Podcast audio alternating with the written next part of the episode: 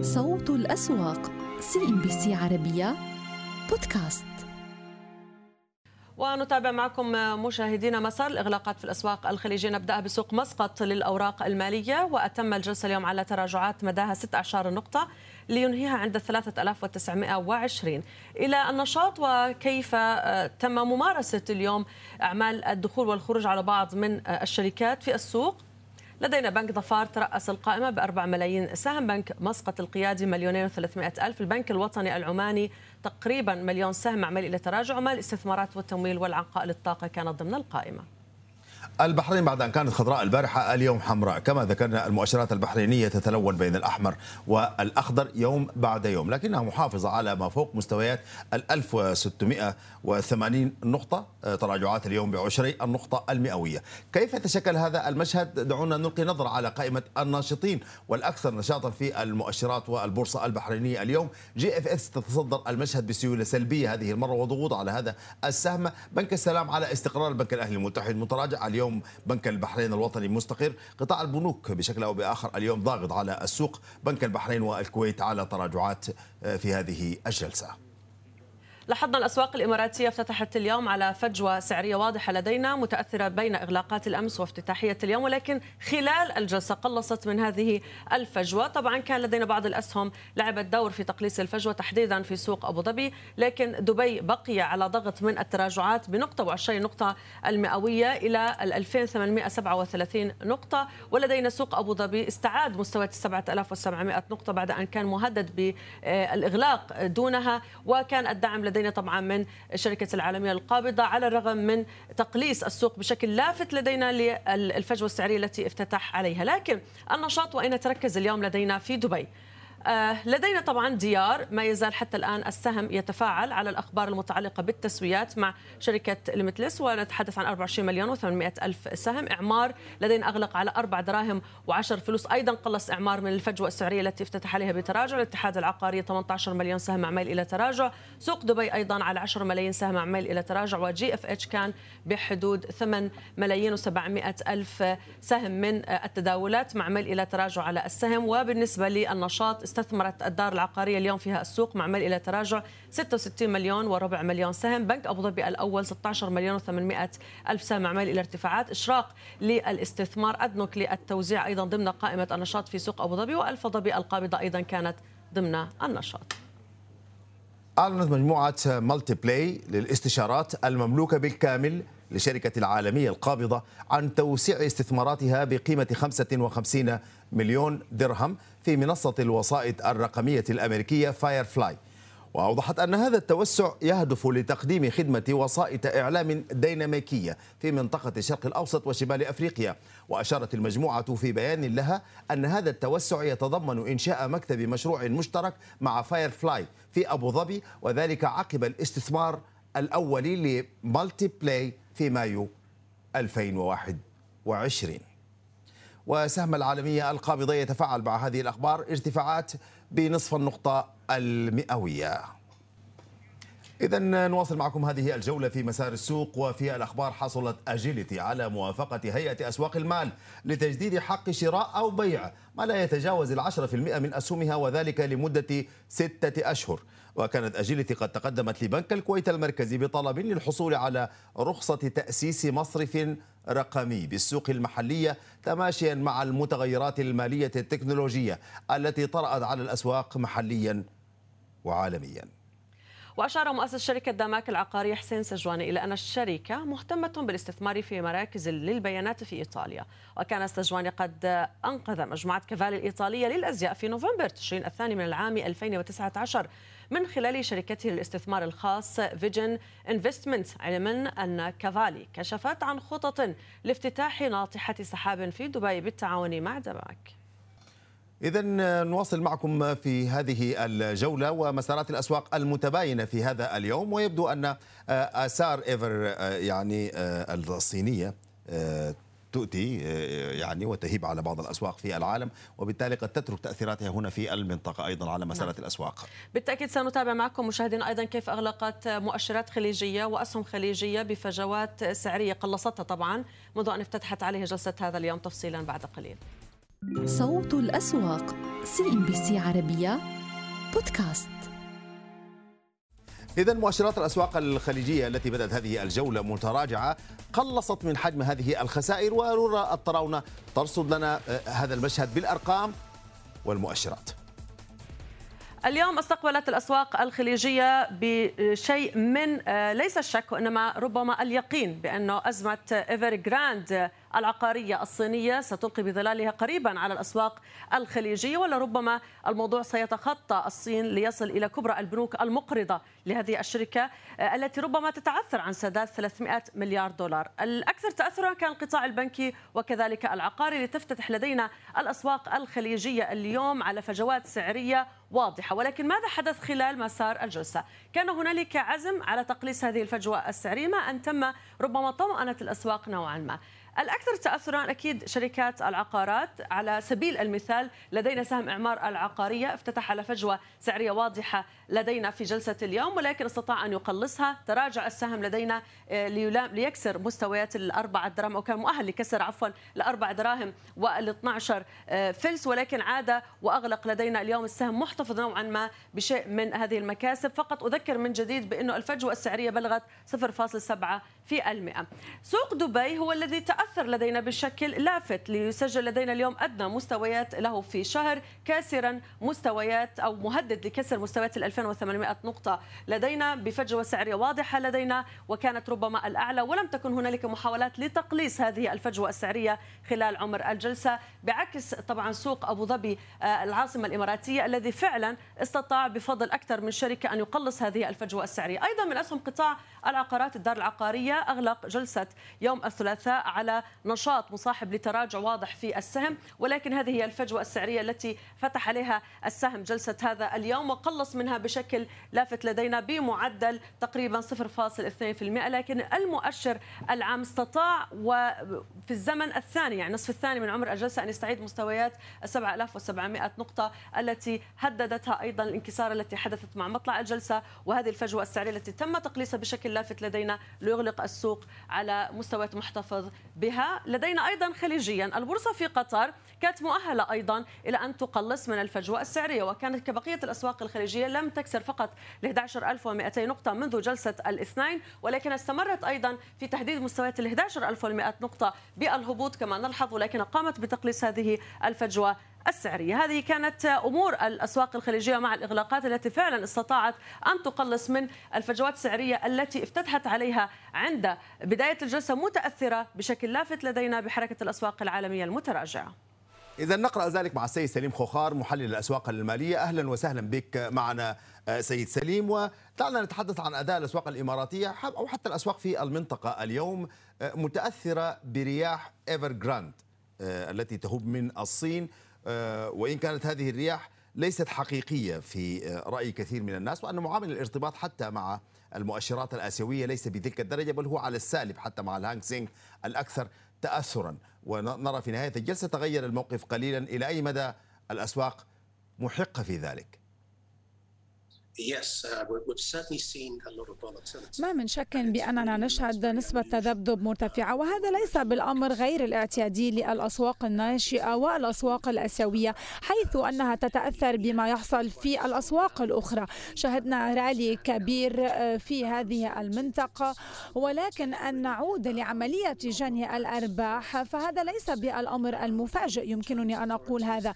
إن السلطات الصينية كانت بالطبع منذ فترة تضغط وأيضا Evergrande وأزمتها كانت من الأمور التي قد تبعتها السلطات الصينية ولكن هذه الأزمة ضربت بالأسواق وحتى أنها أثرت على الأسواق العالمية وعلينا أن نأخذ بالاعتبار أنه بالنسبة للأسواق العالمية ليست فقط أزمة Evergrande التي تؤثر هذا الأسبوع أسبوع حافل من حيث قرارات واجتماعات البنوك المركزية اليوم وغدا الفيدرالي يجتمع في الولايات المتحدة الأمريكية والحديث الكبير عن احتمال تقليص مشتريات الأصول في وقت مبكر فبالتالي الأسواق متوترة حيال هذه العوامل. وأخذين أين نحن؟ وأخذين وضع التقييمات.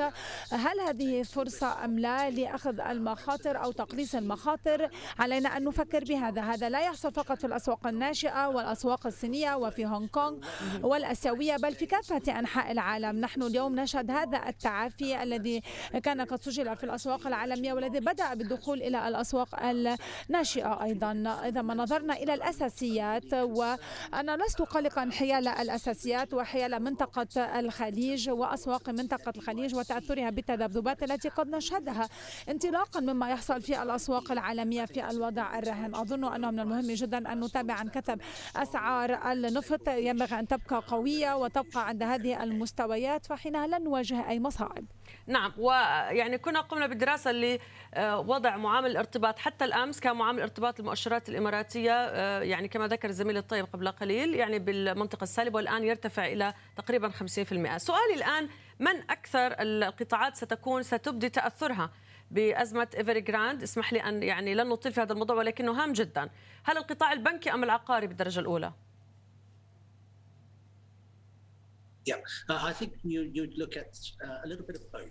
كليهما لأن الوضع هو أن Evergrande هي شركة عقارية شركة كبيرة جدا وهي تتعامل مع المصارف. فبالتالي هي ستؤثر القطاع العقاري وشهية الاستثمار في هذا القطاع. دون أن ننسى نسبة مديونتها المرتفعة وتخلفها عن سداد الدفعات. فبالتالي هذا سوف يؤثر على المصارف. عندما نتحدث عن الديون التي يتم التخلف عن سدادها. آه، بشكل عام يمكننا أن نقول نحن لدينا تأثير عام لأزمة أفرجراند إن كان على الاقتصاد والنمو الاقتصادي في الصين. علينا بالطبع أن نحذر عدوى الانتشار ولكن لا أظن بأن هذا سوف يحصل بل أن هذا سوف يتم إدارته بطريقة أو بأخرى. وأظن أنه ما أن نتمكن من أن نصل إلى هذه المرحلة سوف يكون لدينا ثقة بطريقة إدارة الأمور. والأسواق دون أدنى شك سوف تتعافي آه، بجراء ما حصل. المحلل المالي سليم خوخار شكرا جزيلا لك. لا شك.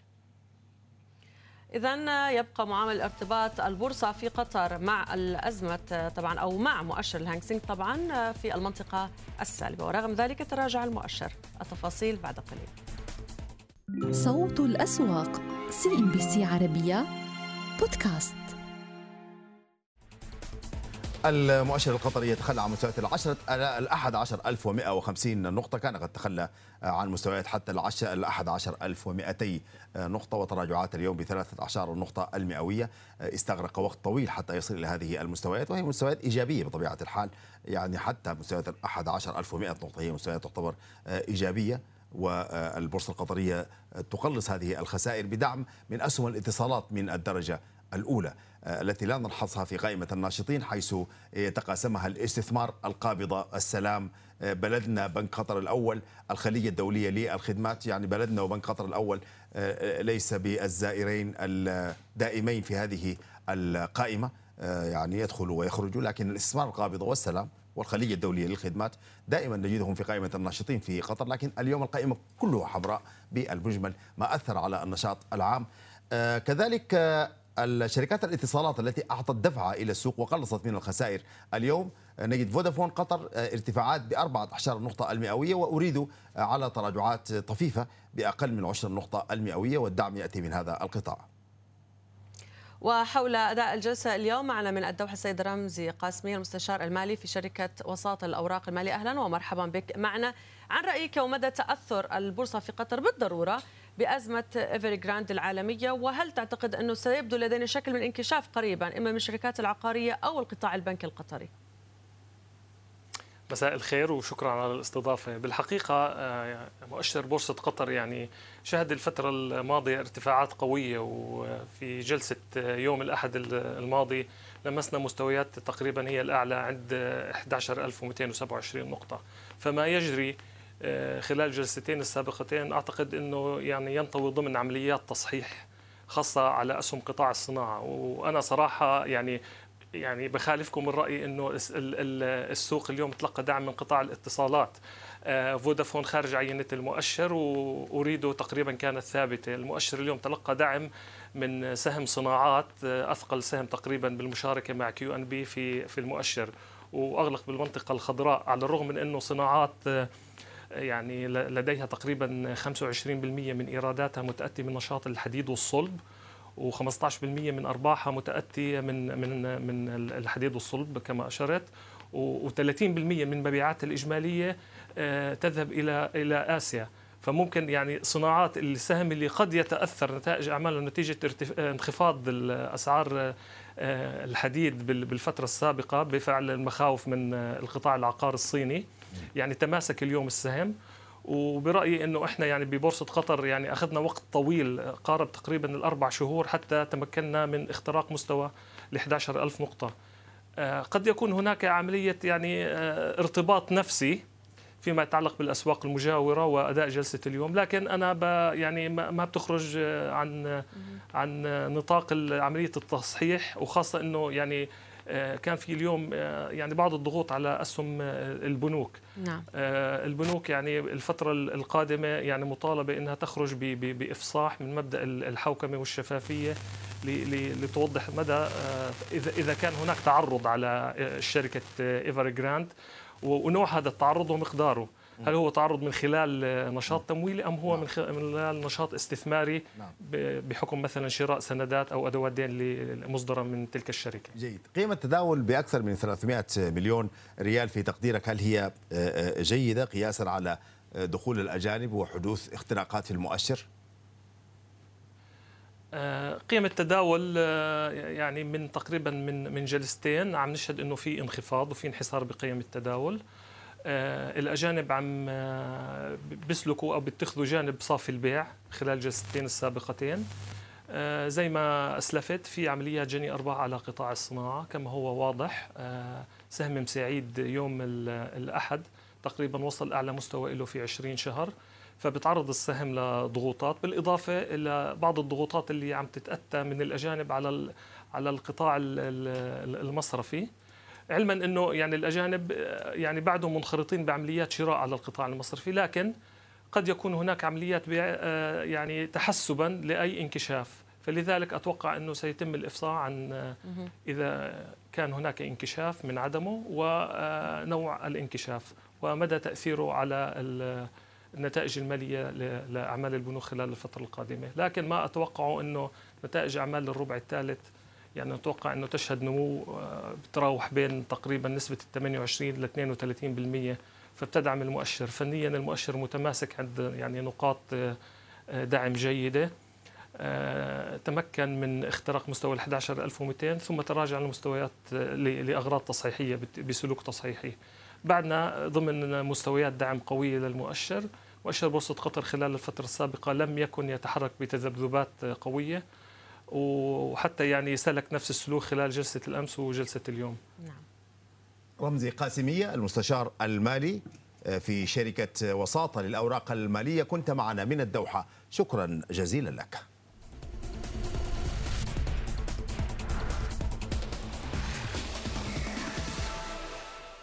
ونتابع كيف أغلقت البورصة في الكويت تداولات لجلسة هذا الثلاثاء. الميل كان إلى تراجع بشكل جماعي للمؤشرات بمتوسط تقريبا وليس بمتوسط وإنما اختلفت لدينا. 17 نقطة نصيب الرئيس من التراجعات و13 نقطة كان للأول والعام خسر 14 النقطة المئوية. يمكنكم الآن الاستماع لإغلاقات الأسواق العربية يوميا على بودكاست CNBC عربية ضمن برنامج صوت الأسواق. تابعونا على Apple Podcast Google Podcast Spotify و Deezer تحياتي وزميلتي رولا الطراونة والفريق العامل في هذا البرنامج. إلى اللقاء. صوت الأسواق CNBC عربية بودكاست.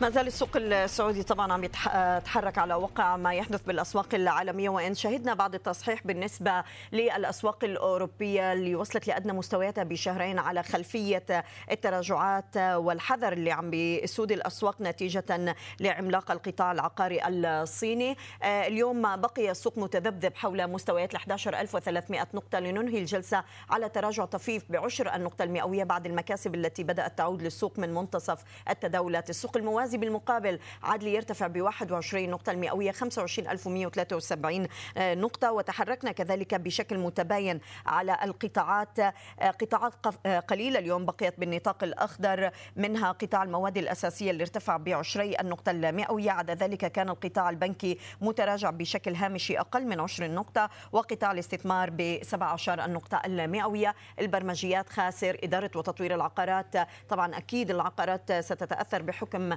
الأخبار المتعلقة بالقطاع العقاري الصيني ب 17 النقطة المئوية. الاستثمار والتمويل كذلك على تراجعات.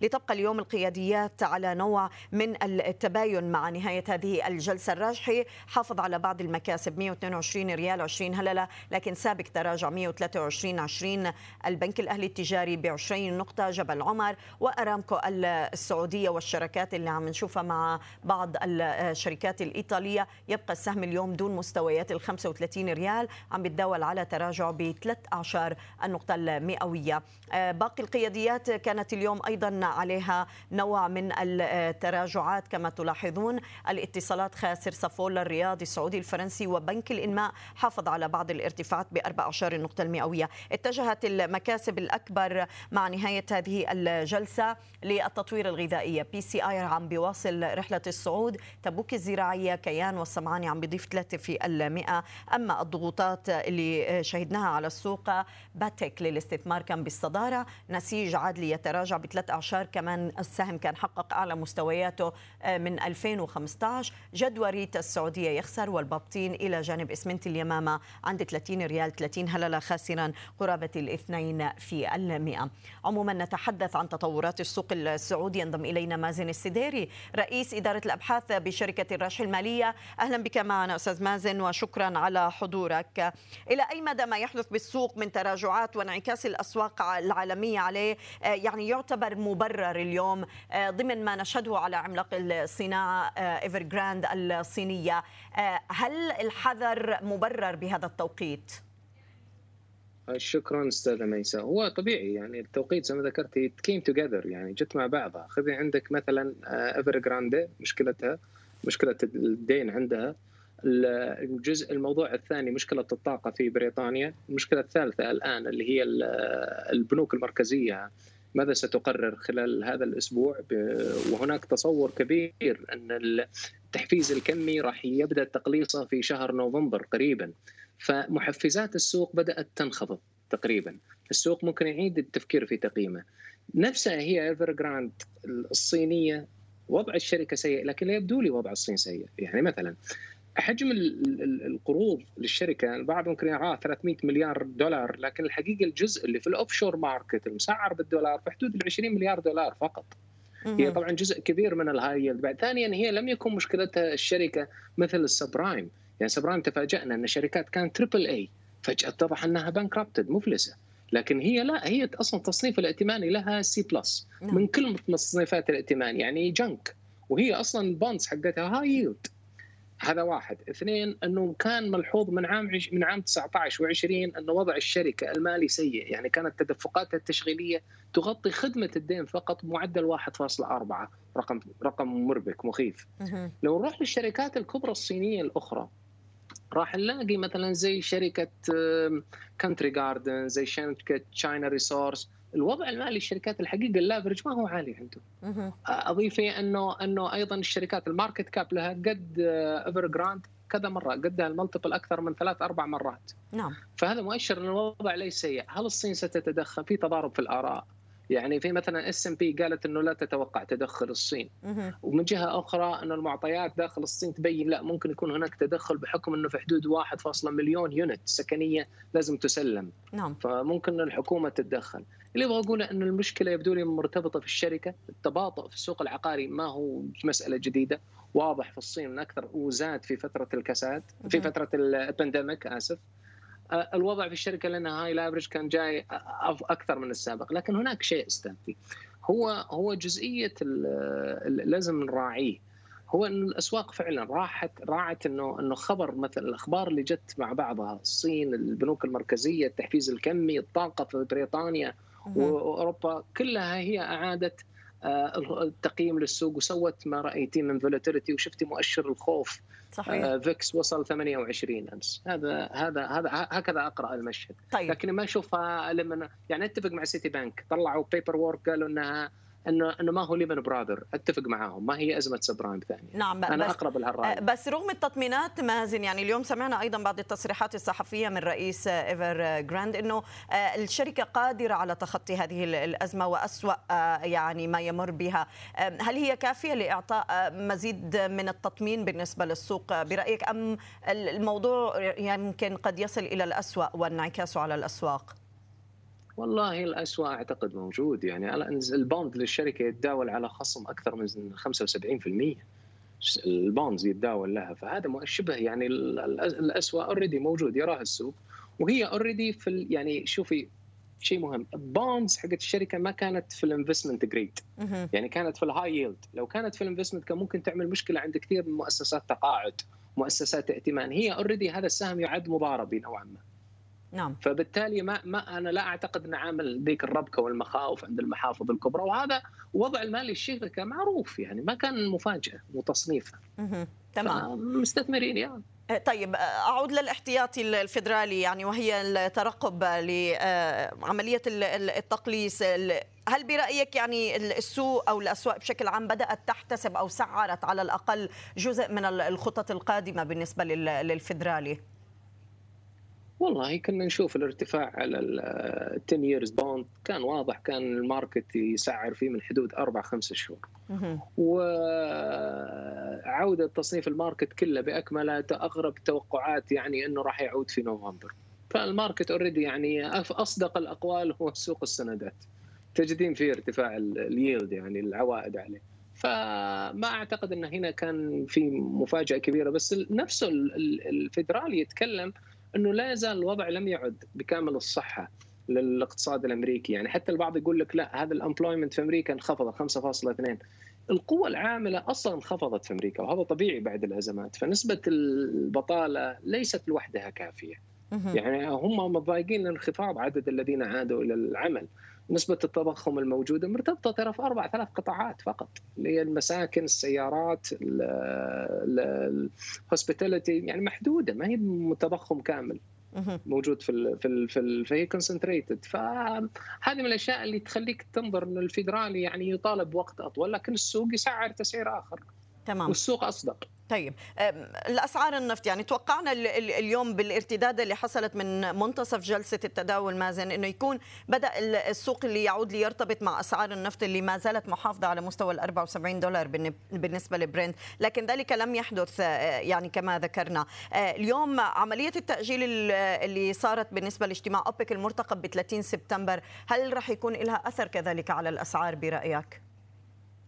والله الأسعار طمنت المستثمرين يعني وإنه المتوسط اللي موجود يتوقع المحللين لا يزال حتى الآن متماسك. يعني خوف إنه هل يأتي تباطؤ من الصين؟ عموما آخر تقرير لأوبك ظهر من أسبوع يتفائل بأن زيادة الإنتاج هذه السنة الطلب من 6 مليون والعام القادم 4 مليون برميل. هذه أرقام جدا مشجعة إنه يرجع في عام 22 أعلى من مستوى عام 2019 في حدود 100 و200 ألف برميل.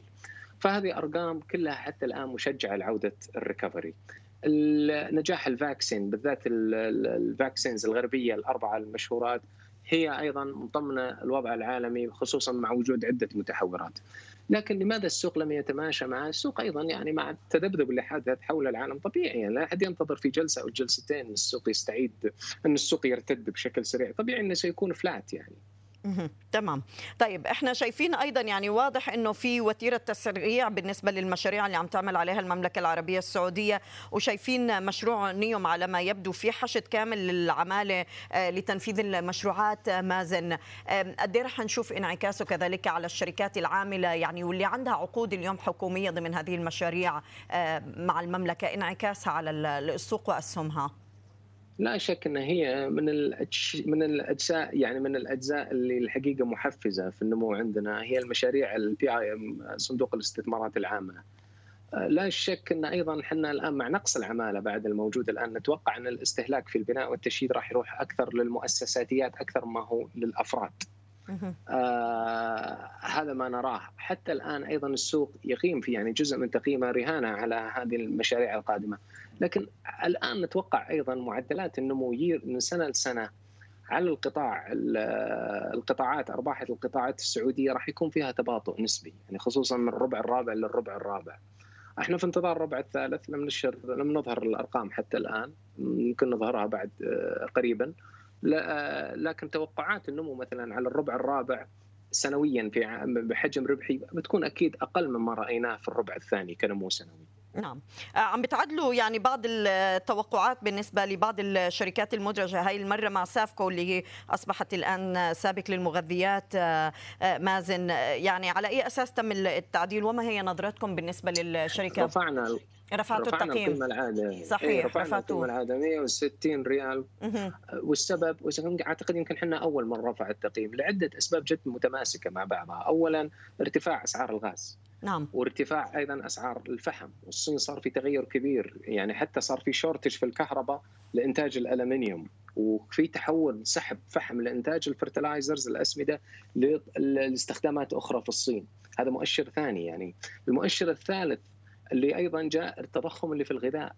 وإحنا نعرف أن تكلفة ال fertilizers الأسمدة في الزراعة هي تكلفة بسيطة منخفضه، فارتفاع تضخم الأكل اثره أعلى من ارتفاع تكلفة ال fertilizers، فبالتالي هذا يكون محفز أكثر للمنتجين، والآن مع تضخم أسعار الغذاء، فهذه كلها دفعتنا أننا نفكر أن نعيد تقييم السوق، بعد ما رفعنا تقييم السهم بعده يا شركة يارا في بريطانيا أعلنت تقليص الإنتاج لقلة الغاز الموجود عندها، فعندنا ارتفاع طلب أصلا على الاسمده مع التضخم الغذائي وعندنا انخفاض في المادة الخام لإنتاج الغاز السماد النيتروجيني، هذا ما جعلنا نعيد التقييم للسهم.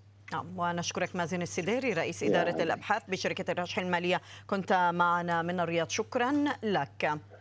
يا وافقت هيئة السوق المالية السعودية على طلب شركة إنماء الروابي المتضمن تسجيل أسهمها لغرض الإدراج المباشر بالسوق الموازية. سيقتصر تداول هذه الأسهم على فئات المستثمرين المؤهلين والمنصوص عليهم بقائمة المصطلحات المستخدمة في لوائح هيئة السوق المالية وقواعدها. وسوف ينشر مستند التسجيل قبل وقت كاف من موعد الإدراج. تسبب أزمة ديون إذا الشركة الصينية العملاقة Evergrande في تراجعات للأسواق الخليجية افتتحت أغلبها على فجوات سعرية هابطة خلال تعاملات اليوم. نتابع التفاصيل.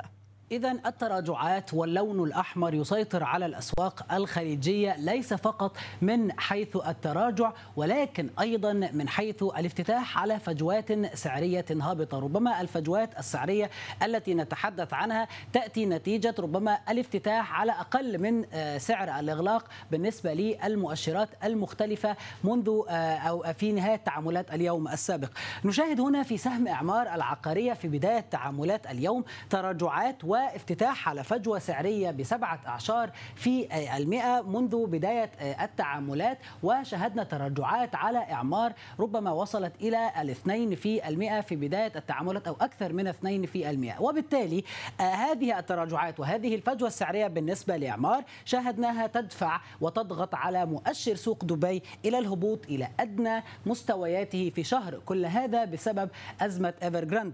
أيضا ما زلنا في إطار الفجوات السعرية السعرية ونتحدث أيضا عن الدار العقارية. افتتحت على فجوة سعرية هابطة بنحو 2 من عشرة في المئة وبالتالي نشاهد مؤشر سوق أبو ظبي يتراجع ويمحو كل مكاسب شهر سبتمبر التي آه التي وصل إليها ووصل فيها إلى أعلى مستوياته على الإطلاق فوق مستويات 7800 نقطة وشاهدنا آه خسارة لكل مكاسب شهر سبتمبر. ماذا عن السوق الكويتي؟ أيضا الافتتاح على فجوه سعريه هابطة بثلاثة أعشار في آه المئة وضغوطات كبيرة بسبب حالة الهلع. ربما الفجوات السعرية التي تحدث أو الفجوات الهابطة تشير بشكل واضح إلى حالة الهلع في الأسواق وهو الأمر الذي نراقبه في هذه المؤشرات. مؤشر السوق السعودية أيضا يفتتح عند فجوة هابطة بنحو 4 من عشرة في المئة وبالتالي نشاهد على الأسهم بشكل عام حالة من التراجعات لا سيما في القطاع العقاري.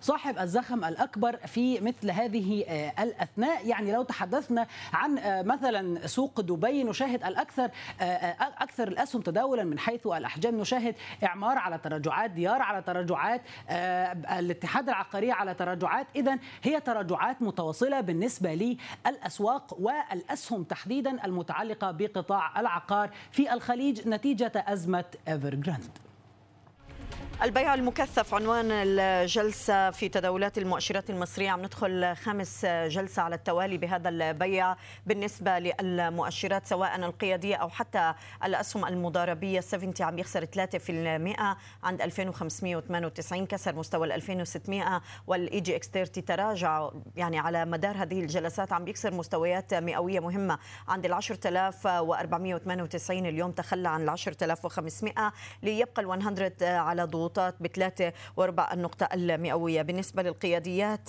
تقريبا لم نشهد إلا هرمز اليوم عليه بعض المكاسب. الطفيفة جدا حافظ على مستوى ال 12 جنيه 10 قروش. عدا ذلك لاحظوا التراجعات على البنك التجاري الدولي بواحد وثلاث أعشار. المصرية للاتصالات عند 14 جنيه إعمار مصر ب 8 أعشار.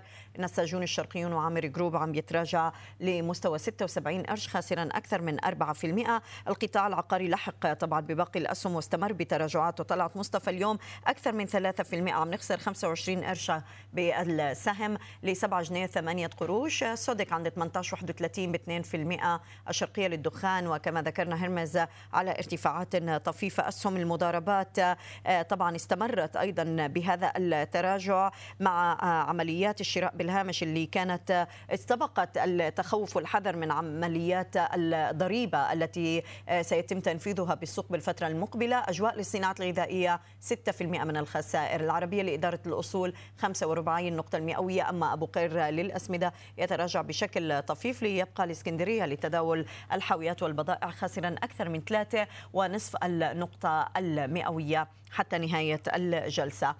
بالأخبار اللي عم نراقبها اليوم للشركات مع هذه التراجعات مجلس إدارة شركة بلتون المالية القابضة كان وافق المجلس على مقترح زيادة رأس المال المصدر بالقيمة الإسمية من 891 مليون جنيه إلى 927 مليون جنيه بزيادة قدرها 35 مليون و650 ألف جنيه. ستكون موزعة على نحو 18 مليون سهم بقيمة 2 جنيه للسهم. وتأتي هذه الزيادة عن طريق إصدار أسهم نظام إثابة والتحفيز المعتمد من الجمعية العامة غير العادية والمنعقدة في الرابع من أبريل الماضي. سهم بلتون اليوم أيضا خاسر مع تراجعات السوق اقتربت بين 5% عند الجنيه 86 قرش. أصدرت شركة بايونيرز القابضة للاستثمارات المالية المصرية توضيحا بشأن تشابه اسم إحدى الشركات التابعة لها مع اسم شركة أخرى صدر بحقها عقوبات من الهيئة العامة للرقابة المالية. وأوضحت الشركة في بيان بأن الشركة التابعة لها هي الحصن للاستشارات وليس لها علاقة بالشركة التي آه، ذكر في حقها عقوبة من الرقابة المالية. وكانت تراجعت أرباح شركة بايونيرز خلال النصف الأول من العام الحالي بنسبة 35% على أساس سنوي لتسجل ال 523 مليون جنيه. وارتفعت إيرادات الأنشطة لدى الشركة بنسبة 17% على أساس سنوي لتسجل 4 مليار و300 مليون جنيه. بايونيرز اليوم على تراجعات فاقت الستة في المئة. وقعت الشركة العامة لصناعة الورق ركات المصرية عقد بيع قطعة أرض فضاء إلى الهيئة العامة أو الهيئة المصرية للبترول بقيمة 447 مليون جنيه. وكانت قد قلصت ركاتا من خسائرها خلال العام المالي الماضي بنسبة 21% على أساس سنوي لتصل إلى 98 مليون جنيه. السهم اليوم بقي على مكاسب رغم طبعا التراجعات اللي عم نشهدها بالسوق ب 6.7 النقطة المئوية. منحت الهيئة العامة للرقابة المالية المصرية مجموعة مرتبطة بشركة المجموعة المصرية العقارية مهلة ثلاثة أشهر للتخلص من النسبة المجاوزة لثلث رأس المال البالغ عددها أكثر من 36 مليون سهم وهو ما يمثل حوالي 9% من أسهم شركة المجموعة المصرية العقارية بضوء رصد الهيئة لتجاوز نسبة التملك بالمجموعة المصرية العقارية. وفي حالة عدم الالتزام بتخفيض نسبة المساهمة لأقل من ثلث رأس مال الشركة خلال المهلة الممنوحة يتوجب تقديم عرض شراء إجباري. نتحدث عن إغلاقات المؤشرات المصرية. ينضم إلينا من القاهرة أستاذ إيهاب سعيد مدير قسم البحوث بشركة أصول لتداول الأوراق المالية. أهلا بك معنا أستاذ إيهاب شكرا على وجودك. عم ندخل الجلسة الخامسة وإحنا على نفس الموال تقريبا بهذه التراجعات والعمليات البيعية المكثفة. إلى أي مدى مبرر اليوم هذا الفزع اللي حاصل بين المستثمرين؟ وهل ممكن أنه نشهد لما تبقى من نهاية هذا الأسبوع عملية إيقاف للعمليات البيعية؟ أه، بسم الله الرحمن الرحيم. يعني يمكن إحنا بقى لنا أسبوعين بنتكلم على مؤشر ال EGX 70 أه، وقلنا ان في مستوى دعم اتكسر اللي هو عند 2925 وده تحول مع معاه المؤشر إلى حركة عرضية بدل ما كان في اتجاه صاعد. وقلنا حتى ان هو لما كسر ونزل آه، لحد قرب مستوى ال 2800 انه لو رجع يقرب من ال 2925 نقطة أو 2930 وده كان الأسبوع اللي فات ان هو هيصطدم بهذا المستوى وهتعاود الضغوط البيعية الظهور مرة ثانية لأن المؤشر حصل فيه نوع من ال change في ال sentiment أو تغير في سلوك المتعاملين أدى إلى تغير سلوك الترند فعشان كده شفنا التراجع بيحصل مرة تانية والنهاردة بن يعني وصلنا في بعض الأحيان من الجلسة إلى 4.5% هبوط بنقرب من 2530 نقطة وقفلنا قرب ال 2598 نقطة أو 2600 نقطة يعني بعد ما المؤشر قدر يعني يحصل فيه نوع من التماسك في نهاية الجلسة أو مع النص أو الربع الأخير من الجلسة آه، كنوع من الارتداد. طبعا النزول كان ممكن يبقى طبيعي ومنطقي كعمليات جني أرباح زي ما اتكلمنا عليها لكن مما لا شك فيه إن هو يعني مصحوب ببانيك وبذعر شديد جدا آه، نتيجة للنزول الحاد المتواصل في أكثر من يوم وتكاتل الأخبار على السوق. يعني آه، العديد من الأخبار السلبية زي ما شفنا خلال الفترة اللي فاتت وآخرهم كان موضوع Evergrande والمشكلة اللي حاصلة في آه، الأسواق العالمية والأثر اللي حصل في الأسواق الخليجية زي ما شفنا النهارده. فبالتالي آه، نقدر نقول السوق تأثر بكل ده وكمل النزول بال panic ده. طبعا الأمر الأكبر والأبرز واللي هو يعني بيحتوي على آه، كل كلام المتعاملين في السوق أو حتى الشركات الوساطة وشركات الأوراق المالية وما يتعلق بموضوع ضريبة الأرباح الرأسمالية والمفترض إن القانون اللي هو الخاص بيها إن هو يتم تفعيله من 1 يناير القادم وإلغاء ضريبة الدمغ آه، والحقيقة أنا هنا بس كان يهمني إن إحنا آه، في آه، التصريح اللي كان معالي وزير المالية قاله في آخر مرة أو اللي ما زال بيقال حتى الآن إن هو ده كان طلب أطراف السوق وأنا دايما بحب أرد بال يعني بال بالحقائق أو بال بال بالأساس يعني نعم خليني أقرأ لحضرتك وللسادة المشاهدين مادة اللي هي الماده 46 مكرر من القانون 53 لسنة 2014 بتقول إيه هذه المادة؟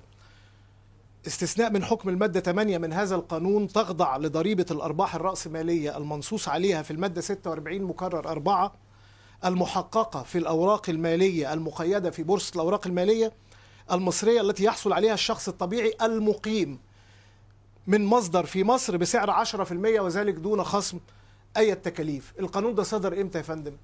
في 2014 نعم. المادة دي بتقول إيه؟ بتقول إن الشخص المقيم في مصر يدفع 10% من الأرباح الناتجة عن التعامل في الأوراق المالية المقيدة يعني إحنا بنتكلم على الشركات المقيدة ما بنتكلمش على الشركات اللي بره.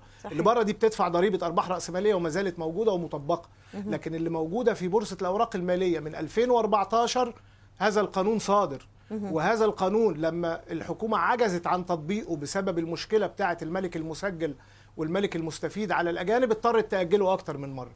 ما تصورش إن معالي وزير المالية الحالي كان موجود في 2014 وبالتالي بأي منطق يبقى ده مطلب للسوق. إذا كانت هذه المادة اللي بتتكلم عن ضريبة الأرباح الرأسمالية ومحاسبة المقيم صدرت في 2014 يبقى إزاي؟ يعني من ست سنين يبقى إزاي الأطراف السوق اللي طلبتها؟ طب ببساطة شديدة إيه اللي طلبته أطراف السوق؟ أو المنطق بيقول إيه؟ المنطق ببساطة شديدة بيقول إن أطراف السوق لما طلبت طلبت خفض ضريبة الدمغة إلى نص في الألف بدل واحد ونص في الألف. صحيح. وخفض آه، ضريبة التوزيعات 5% بدل 10% على الشركات المقيدة كنوع من التحفيز. وإلغاء على تعاملات السيم دي. طب وفيما يتعلق بضريبة الأرباح الرأسمالية؟ استمرار تأجيل ضريبة الأرباح الرأسمالية. آدي الأمر ببساطة شديدة. لكن ما كانش فيه بقى ما يتعلق بيه إن إحنا عايزين ضريبة الأرباح الرأسمالية أو غيره. اللي هو الطلب اللي الناس بتطلبه دلوقتي. اللي أي حد منطقي بيطلبه وطبيعي. النهارده وبيقول إحنا عايزين نستمر في تأجيل ضريبة الأرباح الرأسمالية. فكل ده هو اللي حصل ببساطة شديدة. الدولة ساعتها ما أشبه اليوم بالبارحة. يعني الحكومة في وقتها خليني أقول لحضرتك إن الوضع كان مشابه تماما لما نحن فيه الآن. سوق متراجع بشكل حاد لكن الأسوأ كان في فوليوم 300 مليون جنيه في 2019 فالوزارة بدأت تستمع نوعا ما. إلى مطالب السوق في وقتها. صحيح. فالناس طلبت أول حاجة إلغاء جميع أنواع الضرائب. الحكومة رفضت وقالت ده قرار سيادي وهيتم تطبيق ضرائب. طب ال- الحل الثاني إيه؟ حضرتك بتطبق واحد ونص في, ال- في الألف وبتصل إلى ثلاثة في الألف بيعا وشراء بما فيها تعاملات السيم دي. يعني كده مفيش حاجة اسمها سيم دي ومفيش حاجة اسمها تعاملات وبالتالي السوق وصل ل 300 مليون جنيه. طب إيه الحل؟ ننزلها النص في الألف حضرتك على المقيم. وتبقى واحد وربع في الألف على الغير مقيم اللي انت مش هتطبق عليه أرباح رأسمالية. وخفض ضريبة التوزيعات زي ما قلت الخمسة في المية وإلغائها على تعاملات السيم دي. وضريبة الأرباح الرأسمالية نأجلها يا فندم يستمر تأجيلها زي ما هي اتأجلت من 2014 خصوصا إنه في حصيلة هي 70 بتتأجل. مليون جنيه شهريا مثل ما سمعنا يا أستاذ إيهاب. يعني حصيلة ضريبة دي- دي الدخل أنا هقول 70 لحضرتك. عليها. امم تمام تفضل أنا هرد على الجزئية دي لكن أنا بتكلم في نقطة إن ده مطلب السوق، لا طبعا مش مطلب، مطلب السوق إيه؟ مطلب السوق هو نفسه المطلب الوحيد اللي بيطلب من 2014 استمرار تأجيل ضريبة الأرباح الرأسمالية. ال- ال- المشكلة هنا أنا مش فاهم إيه سر التعنت وسر التمسك بالرأي بهذا الشكل. النهارده في سوق بهذا الشكل وبهذا المنظر ضريبة أرباح رأسمالية إيه اللي هتاخدها منه؟ نعم. يعني ما يعني ما ده خلاص ده حاجة خلصانة خالص هتاخد منه إيه أرباح إيه اللي هيبقى الناس كسبانها وهتاخدها منهم في الأرقام اللي موجودة في الوقت الحالي. نعم. أو في الأسعار اللي إحنا شايفينها بقى لنا خمس أيام دي. الله طب ما أنا عندي ضريبة دمغة والسوق متوافق عليها ومستوعبها وبتجيب 70 مليون جنيه في الشهر زي ما معاليك قلت وبتوصل لمليار جنيه في السنة على المقيد فقط.